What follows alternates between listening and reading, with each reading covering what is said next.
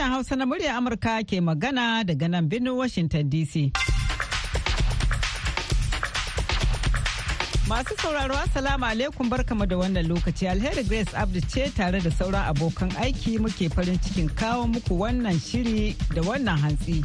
Bayan labaran duniya za mu kawo muku zauren VOA shirin da Madina Dauda ke hadawa daga ofishinmu da ke birnin tarayya Abuja sai kuma rayuwar birni.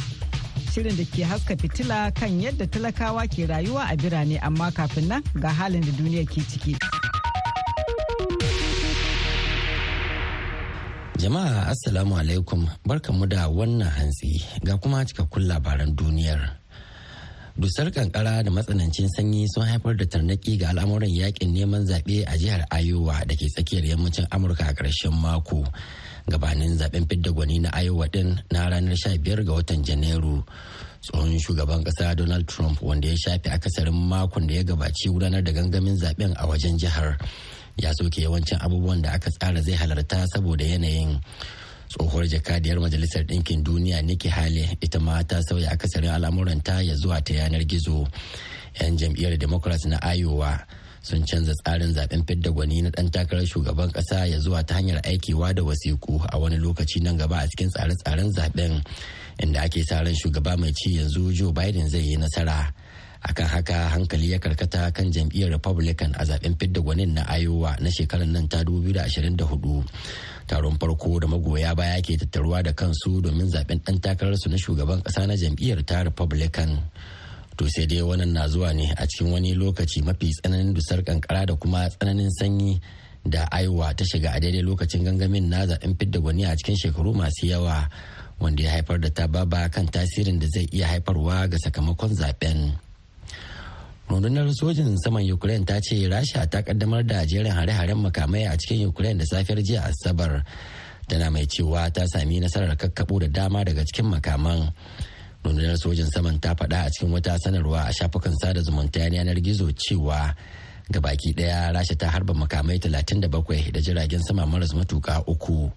Sanarwar ta ce akasarin makaman masu linzami ne da ke da wahalar kakkabowa sanarwar ta kuma kara da cewa yana da kyau a lura sama da ashirin daga cikin makaman da aka lissafa waɗanda ba sa cikin adadin waɗanda aka kakkaɓo ba su sami isa wuraren da aka auna su ba sakamakon tsauraran matakan na'urorin kariya daga hare-hare. Mai magana da yawon rundunar sojin sama ya faɗa a farkon makon nan cewa ukraine na fuskantar ƙarancin makaman kariya daga hare-hare na sama. To amma babu tabbas akan irin tasirin da hakan ya haifar a ƙarancin samun nasarar harin na rasha. Na'urorin kariya na sama na ukraine sun sami kakkaɓo makaman rasha a cikin akalla yankuna biyar na ukraine a cewar jami'ai daga waɗannan lardunan. To kuna shan labaran ne daga nan sashen hausa na muryar amurka a washington dc a jiya asabar prime minister isra'ila benjamin netanyahu ya sha alwashin ci gaba da yaƙin da ƙasar take yi da ƙungiyar hamas har sai an sami nasara. A yayin da ƙasar ke daɗa kaimin kai hare-hare a gaza a jajibirin cika kwanaki 100 na yaƙin netanyahu wanda ya kunnen kashi ya ce zarge-zargen da ake yi cewa isra'ila na yi wa falasɗinawa kisan kiyashi ba zai karya lagon isra'ila ba. Ba wanda zai dakatar da mu ko kotun hague ko ma wasu shaidanu ba wanda zai hana mu. Netanyahu ya faɗa yana mai nuni da ƙungiyar Hamas da Hezbollah mai goyon bayan Iran. Wacce take harbawa isra'ila makamai daga lebanon da kuma mayaƙan huti da suke kai farmaki kan jiragen ruwan sufuri a tekun bahar maliya a zaman karfafawa ga hamas. Prime minister na isra'ila ya yi jawabin ne bayan wani zaman sauraren kara na kwanaki biyu a kotun kasa da kasa ta hague. Kasar afirka ta kudu ta zargi isra'ila da kisan kiyashi a cikin karar da ta gabatar wa kotun ta hague. Isra'ila ta musanta zargin tare da bayyana shi a zaman bata suna da munafunci. A yau Lahadi, Najeriya za ta fafata da ƙasar Equatorial Guinea a rukunin A na gasar ƙwallon kafa ta cin kofin nahiyar Afirka da aka soma a jiya Asabar a ƙasar Ivory Coast. Wannan ne dai karon farko a tarihi da ƙasashen biyu za su gwabza a gasar ta cin kofin nahiyar Afirka. To amma sun taɓa karawa har sau biyu a wasannin neman gurbin gasar cin kofin duniya ta shekara ta da goma waɗanda duk Najeriya ce ta sami galaba. Najeriya na halartar gasar ne karo na ashirin inda ta yi nasarar lashe ta har sau uku. Yayin da ita kuma equatorial guinea take buga gasar karo na huɗu inda take fatan lashe kofin gasar karo na farko.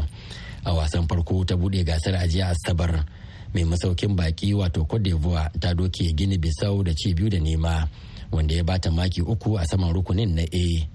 A sauran wasannin gasar da za a fafata a yau lahadi ƙasar masar za ta kara da mozambique yayin da ghana kuma za ta kece rani da cape duk a rukunin b.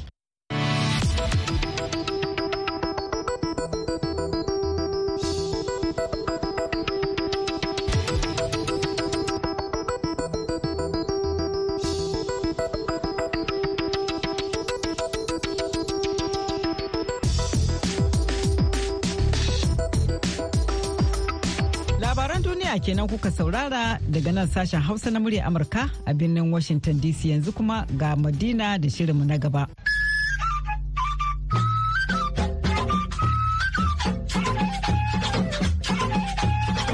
Jama'a barkanmu da saduwa da ku a wani sabon shirin zauren voa a. Yau Mun dawo nan gida Najeriya kuma yanzu zan miƙa ku ga abokin aiki na baban gida Jibril wanda ya haɗa shirin daga Legas. Baban gida gare ka. Bakin da ke cikin wannan zaure da suka hada da Dr. Dauda Muhammad Kwantagora masanin tattalin arziki da saka jari sai kuma Alhaji Ado Sha'abu Dan Sudu shugaban ƙungiyar cigaban arewacin Najeriya yankin kudancin Najeriya. Hau kuma akwai kwamrar musa jika mai fafutukar kare haƙƙin bil adama maudu'in da za mu tattauna a wannan zaure shine na batun tattalin arzikin najeriya yadda 'yan najeriya suka ji a shekarun baya musamman shekara da kare da kuma fatan su a shekarar nan da muke ciki na 2024 malami na farko da zai fara jawabi a wannan zaure shine dr dauda muhammad kwantagora wanda zai mana matashiya game da tattalin arzikin najeriya. Dr bismillah.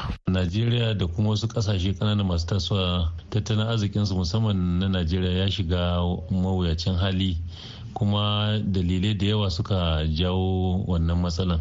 Idan ka duba na farko najeriya ta na ɗaya daga cikin ƙasashe na duniya wanda yake tana da ƙarfin tattalin arziki. Wato ma'ana za ga cewa tattalin arzikin kasan duniyan kusan haɗe yake saboda dangantaka na cinikayya. To za ka ga akwai lokacin 'yan shekarun baya kaɗan akwai wannan cutar ta covid wadda ta zo ta hana harkokin na tattalin arziki ta hana kasuwanci aka kulle ƙasashe wannan ya jawo babban koma baya a tattalin ƙasashe a tattalin arzikin ƙasashe wanda najeriya ta tana ɗaya daga ciki. Akwai kuma yaƙi da aka yi da na ukraine da rasha shi ma ya ba da gudunmawa na wurin kawo koma baya saboda da ukraine inda rasha suna ɗaya daga cikin manyan kawaye na kasuwanci na najeriya. Bayan haka kuma akwai najeriya tattalin arzikinta ya shiga komada hasso biyu wanda shi ma matsala ne uh, kamin ya farfado to duk wayannan abubuwa sun uh, sun jawo ma tattalin arzikin komada kuma sannan an samu kuma canji na gwamnati. Wanda in ka dubi irin siyasan da muke yi duk da cewa dai jam'iyya guda ne to amma za ga cewa manufofi yanzu babu manufofi na jam'iyya sai manufofi na dan takara. Duk wanda ya zama shugaba yana zuwa da manufofin shi ko a cikin jam'iyya guda ne. Kaga misali a baya bayan nan duk da cewa duka jam'iyya ɗaya suke an samu cire kuɗin tallafin mai. Wanda yake kuma ka lura kasan tattalin arzikin najeriya gaba ɗaya kuɗaɗen shiganta da kuma harkokinta ya dangan ya ta'allaka ne ga man fetur. To wannan cire tallafin nan da aka yi ya sa farashin man fetur ya hau. Kuma idan ka duba za ga kusan komi da ake na tattalin arziki yana da dangantaka da man fetur. Kusan dukkan al'amuranmu na yau da kullum na najeriya ya shahi man fetur. Saboda haka idan kuɗin man fetur ya hau za ka ga duk tsadan kayayyaki. To sannan kuma bayan haka nan an samu kuma wannan da aka ce daidaito. Sabuwar gwamnatin da ta ce za ta yi daidaito na kuɗin musaya shi ma ya karya darajar kuɗin kasan saboda haka kaga dole wannan ya haifar da matsala tattalin arziki don saboda abubuwa sun hau an samu hauhawan farashi na kayayyaki. Sannan kuma wani abu kuma da ya kara ta gayyar tattalin arzikin najeriya akwai rashin tsaro. Kaga musamman rashin tsaro yaƙe-yaƙen da ake a wuraren da ake noma musamman a arewa. Arewacin najeriya akwai harkokin boko haram da kuma wayannan masu satan mutane da kuɗin fansa sun hana a noma. Kaga kuɗin abinci shi ma ya hauhawa. To duk wayannan sun ma tattalin arzikin najeriya ta niki a shekaran da ta wuce. Sannan kuma akwai ana zargi masana suna duban kuma akwai cin hanci. Da rashawa shi ma wanda yake zaka ga shugabanni ba sa gudanar da kuɗaɗen al'umma kamar yadda ya kamata. Mutane za ga mutanen kasan kusan ana kwashe sauran dukiyar da ya rage a fita da su ƙasashen waje. To wayannan duk shine ya kawo kuma baya. Tattalin arziki a najeriya kuma najeriya da 'yan kasanta suka sha wuyan wayannan al'amura da muka je. To dokta kana ganin akwai alamun za a ci gaba kenan ko za a samu ci gaba ta fuskar tattalin arzikin najeriya a wannan shekara da muke ciki? To muna kyakkyawan zaton wannan shekara ta 2024 akwai hasashen cewa tattalin arzikin najeriya zai haɓaka. Za a samu ci gaba ta wurare daban-daban tattalin arzikin najeriya zai yi gaba. Amma kuma ana sa ran cewa sai gwamnati ta yi wasu abubuwa masu muhimmanci. Babban abin da gwamnati ya kamata ta yi kaga misali ya kamata ta buɗe kofofi da zai taimaka ma haɓaka tattalin arzikin ƙasar misali noma da kasuwanci. Kaga ya kamata gwamnati ta yi ƙoƙari ta ga cewa wayannan matatun mai din na najeriya sun farfado saboda a samu saukin man fetur wanda a baya muka ce yana da alaka da hauhawan farashin kayayyaki. Sannan kuma ya kamata a inganta hanyoyin sufuri musamman harkan jirgin kasa zai rage tsadan a sufuri. Yanzu kaga za ka ga masu kayayyaki da suke ɗaukowa daga wasu wurare suna kai su wurare daga kudu zuwa yamma ko daga yamma zuwa gabas. Saboda tsadan man fetur za ka ga ya shahi kuɗin kayayyakin to. Amma idan aka inganta layin jirgin kasa wannan za a samu sauƙi sannan kuma gwamnati ya kamata ta ƙara yin hubasa na ganin cewa ta yi maganin wannan rashin tsaro din da ya hana noma da kuma satan mai a can tunda satan man da ake yi a can wuraren da ake haƙan mai din kaga zai rage kuɗin da najeriya za ta samu na shiga. Nan kuma idan ba a yi maganin tsaro ba yan masu satan kuɗin fassan nan da suka hana noma za ga shi ma kuma din ba za a iya noma abin da za a samu a ƙasan ba wanda zai haifar da tsadan kayayyakin abinci. To muna sa rai idan gwamnati ta haɓasa su kuma 'yan ƙasa suka mai da himma suka samu dama suka ci gaba da harkokinsu yadda ya kamata. To muna sa ran tattalin arzikin zai inganta kuma mutane za su ji daɗi. To kamar da aka sani dai akwai matsaloli da dama da ya haifar da irin wannan matsala na tabarbarar tattalin arziki. Ɗaya daga ciki shine batun cin hanci da rashawa. Dr. Ado Shabu Dan Sudu me zaka ce game da wannan hali da ake ciki wanda ke fuskantar tattalin arzikin Najeriya da ma al'ummar Najeriya? Barka ka dai baban gida barka da rana ko kuma barka da wuni ko kuma barka da yamma. Tattalin arzikin Najeriya najeriya ya tsinci kansa a wani hali da 'yan najeriya suka shiga da talakawa suka shiga wannan a baya ana ganin gwamnatin talakawa ce. Amma sai gahi su talakawan su ne su ke cikin halin ha'ula suke cikin halin kaka na kai suke cikin halin ni'yasu wanda kuma gwamnatin baya ta san da wannan teburis da hita kau da kai. Abin kunya da za ka iya ganewa yanzu babban abin kunyar matatin manmu gyara ne kawai za a yi musu. Amma aka ƙi gyarawa saboda idan an yi odan mai daga ƙasashen waje za su samu kuɗi. Bayan wannan sai da kanta gwamnatin ita ce ta daman ta alkawarin ranar ɗaya ga wata za ta janye subsidy. Sai gashi yanzu rafinaren na fatakol kaɗan aka yi masa gyara gashi ya fara aiki. Na tabbatar duk sauran matatun manmu in aka gyara su za su yi aiki dole ne in allah ya yarda za a ba wa maraɗa kunya. Wannan babban abin takaici ne. To a ɓangaren sa kwamrar musa jika mai fafutukar haƙƙin bil adama ta ɓangaren suna ganin cewa halin da najeriya ta shiga ta fuskar tattalin arziki ko 'yan najeriya suka shiga ba wani al'amari ne ya haifar da hakan ba sai janye tallafin man fetur ɗin nan wanda ya haifar da tsadar kayayyakin masarufi da dai sauransu. To ko wani karin haske za ka yi mana ta wannan fuskar?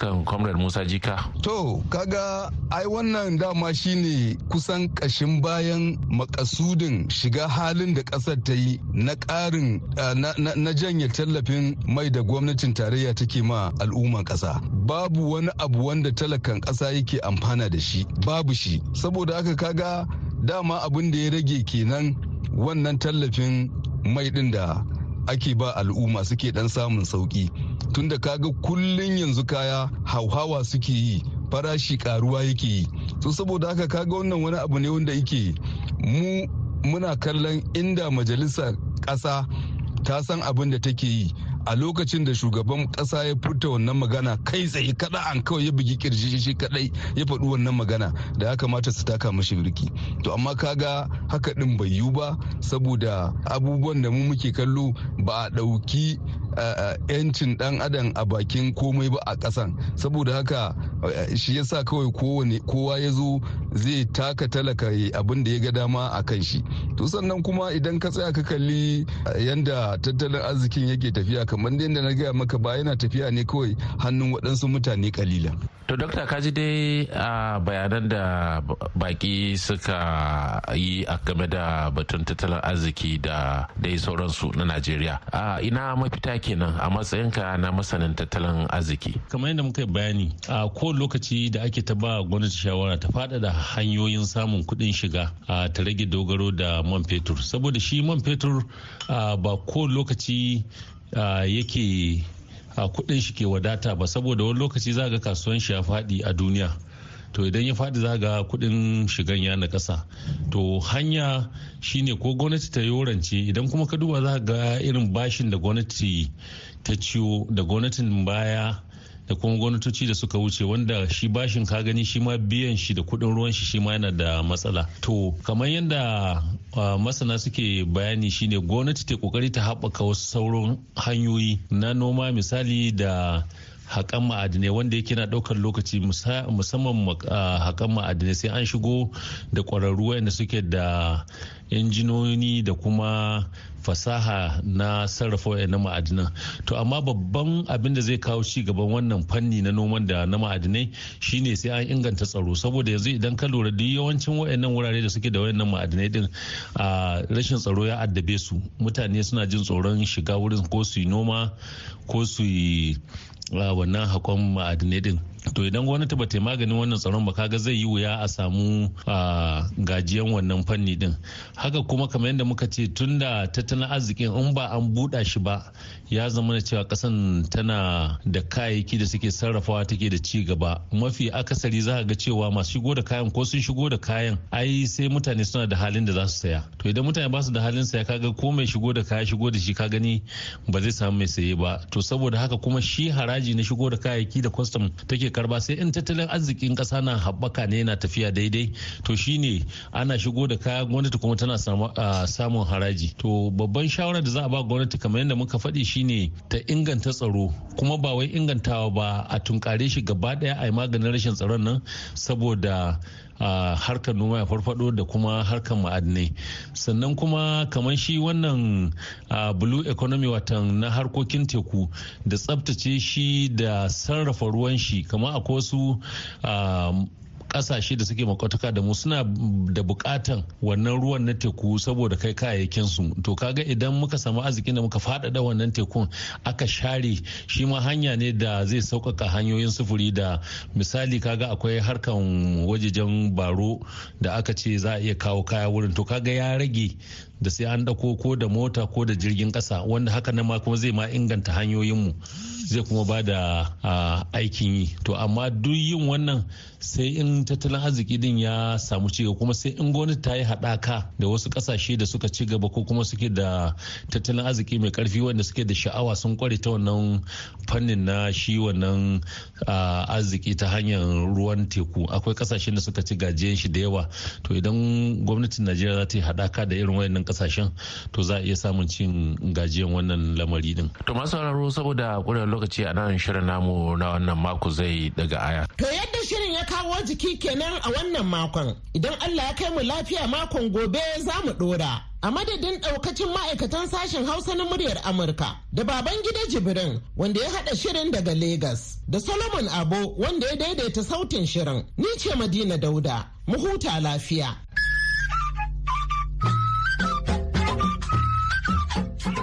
Gaida Madina wannan shirin yana zuwa muku ne daga nan birnin Washington DC a kan mitoci 1725 da kuma 60. Ga masu sauraron a jamhuriyar Nijar a kullum za ku iya sauraron a tashar VOA Africa a kan mita 200.5. Za ku kuma iya sauraron mu kai tsaye a shafukanmu na intanet wato voahausa.com ko kuma sashen hausa.com. Yanzu kuma ga shirin rayuwar birni shirin da ke haska fitila kan faɗi tashin da talakawa ke yi a birane domin neman abin zaman gari.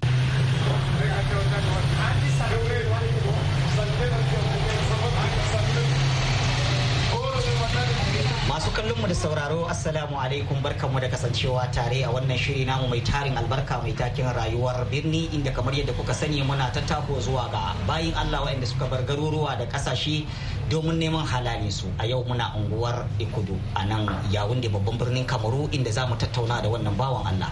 To malam assalamu alaikum. Wa alaikum assalam. To koya sunan malam? Eh da farko ni sunana Jamal Abdulrahman Nana. Jamal Abdulrahman. Nana eh. Nana.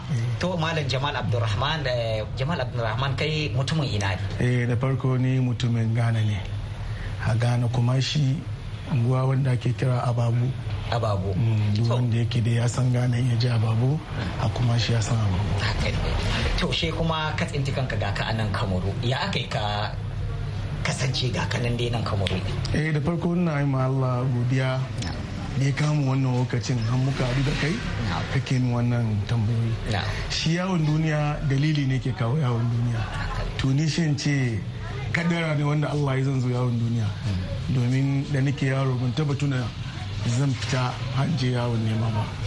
Tun da gida dai na tashi ba abin da aka rasa.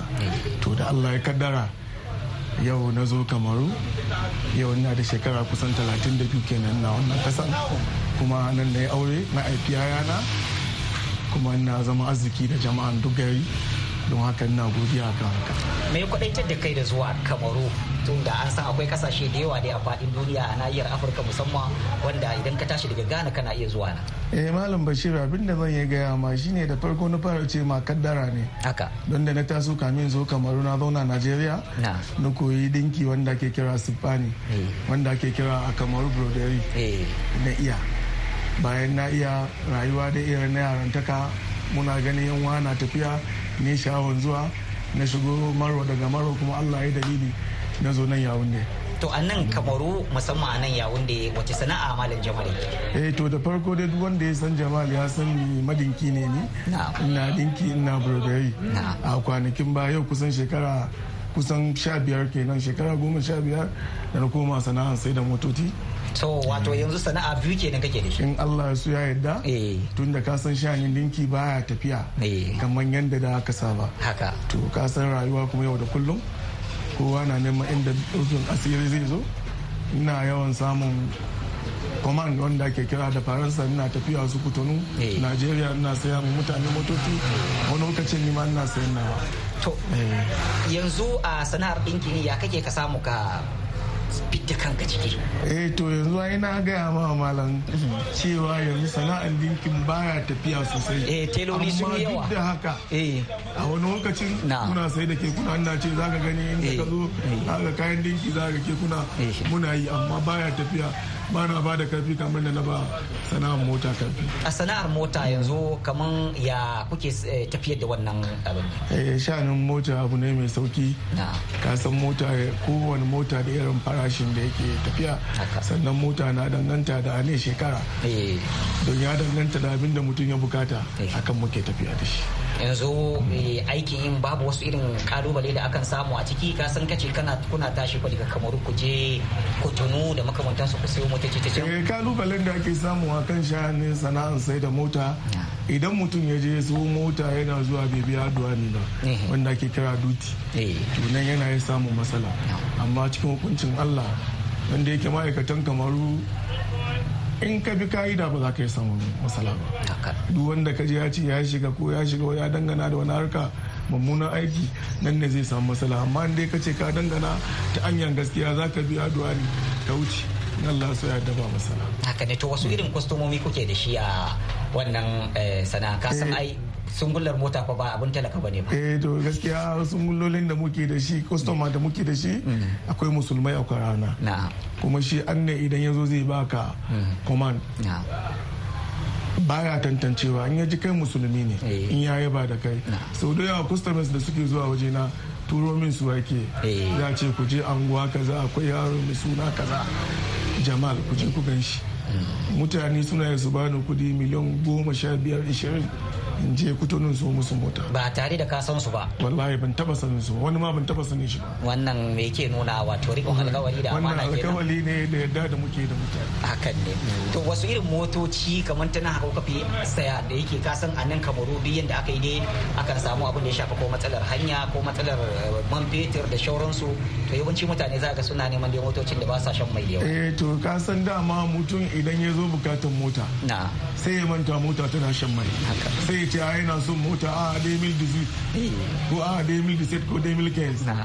Shi dama yana son babban abu ya hau. Sai ya hau. Idan mutum na da wadata zai sai mota baya bukatan maganan mai. Don ya wuce wannan lokacin. Wasu kuma suka saya motocin suna kokawa. Amma da yawancin mutane wannan ƙasar sun fi son toyota. Abin da ya danganta toyota sun fi so.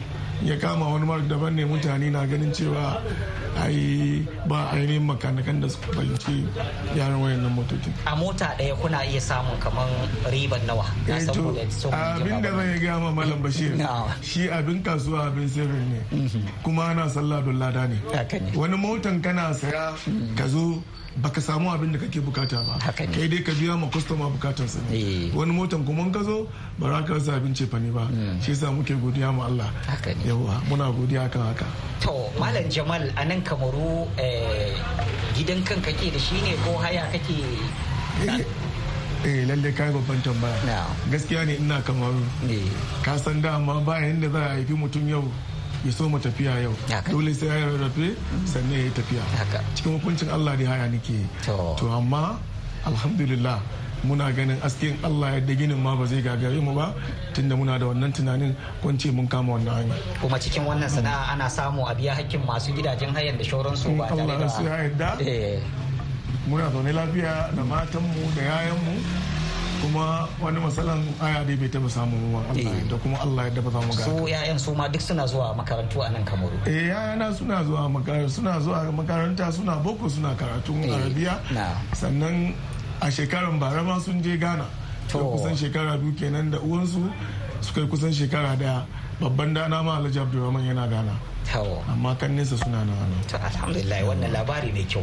To daga ƙarshe kafin mu rufe wannan shiri tun da ka san sana'ar ka kafi ƙarfafa ta fannin wato sai da mota. Idan da wata shawarar da zaka ba wa talaka kaman bashir wace irin shawara za ka bashi idan ya zo neman mota? Eh to malam bashir Allah alhamdulillah ina godiya. Ba zan ce kai talaka ba ne duk malukin da ya zo neman mota duk malukin da ya zo neman mota ya dalla ya dan taka wani abu ne yake buƙatar sha sanyi. In Allah ya da idan lokacin ya kai kana buƙata in ka zo za mu nuna mata hanyar da zaka bi ka samu mota mai sauƙi. To mun gode. Da yawa malam jama'a godiya sosai. Madalla. To abin da zan ce ina yi masaukin hausawan yawun da godiya. Don wannan ba abin da zan ya faɗa kan shi wannan adali ne mutumin kirki. Sannan kuma ba zan manta da baba jika ba. Ina gode wa baba jika da yake shine ya da malam bashir. To malam bashir kai kuma Allah saka da alheri. Madalla. Allah sa ka fi ga haka. Amin. Albarka annabi sallallahu alaihi wasallam. Masu kallon mu da sauraro kun ji yadda tattaunawar ta mu ta kasance da malam jamal. Bayan ya gaya mana yadda sana'arsa take tafiya da kuma yadda yake sarrafa duk ayyukansa ya kuma yi mana addu'a gaba ɗaya. Da ni da ku Allah ya taimaka Allah ya saka mana gabaki ɗaya da alkhairi. Naku Muhammad Bashir Ladan muryar Amurka daga Yawunde a ƙasar Kamaru.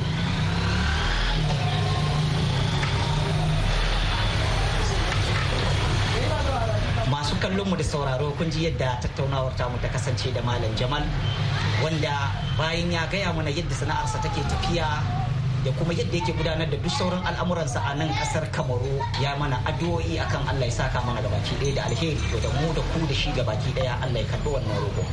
Naku muhammad bashir ladan da sashen hausa muryar amurka daga yawunde a ƙasar kamaru. To madalla da wannan kuma muka kawo ƙarshen shirin na yau sai kuma da rana ku ji abokan aikinmu da wani sabon shirin yanzu a madadin dukan waɗanda suka ba da gudunmawa ga nasarar wannan shirin da suka hada da Solomon Abo da ya hada shirin da ba da umarni alheri ke muku fata alheri ku ni lafiya mu kuma mu kwana lafiya da alheri.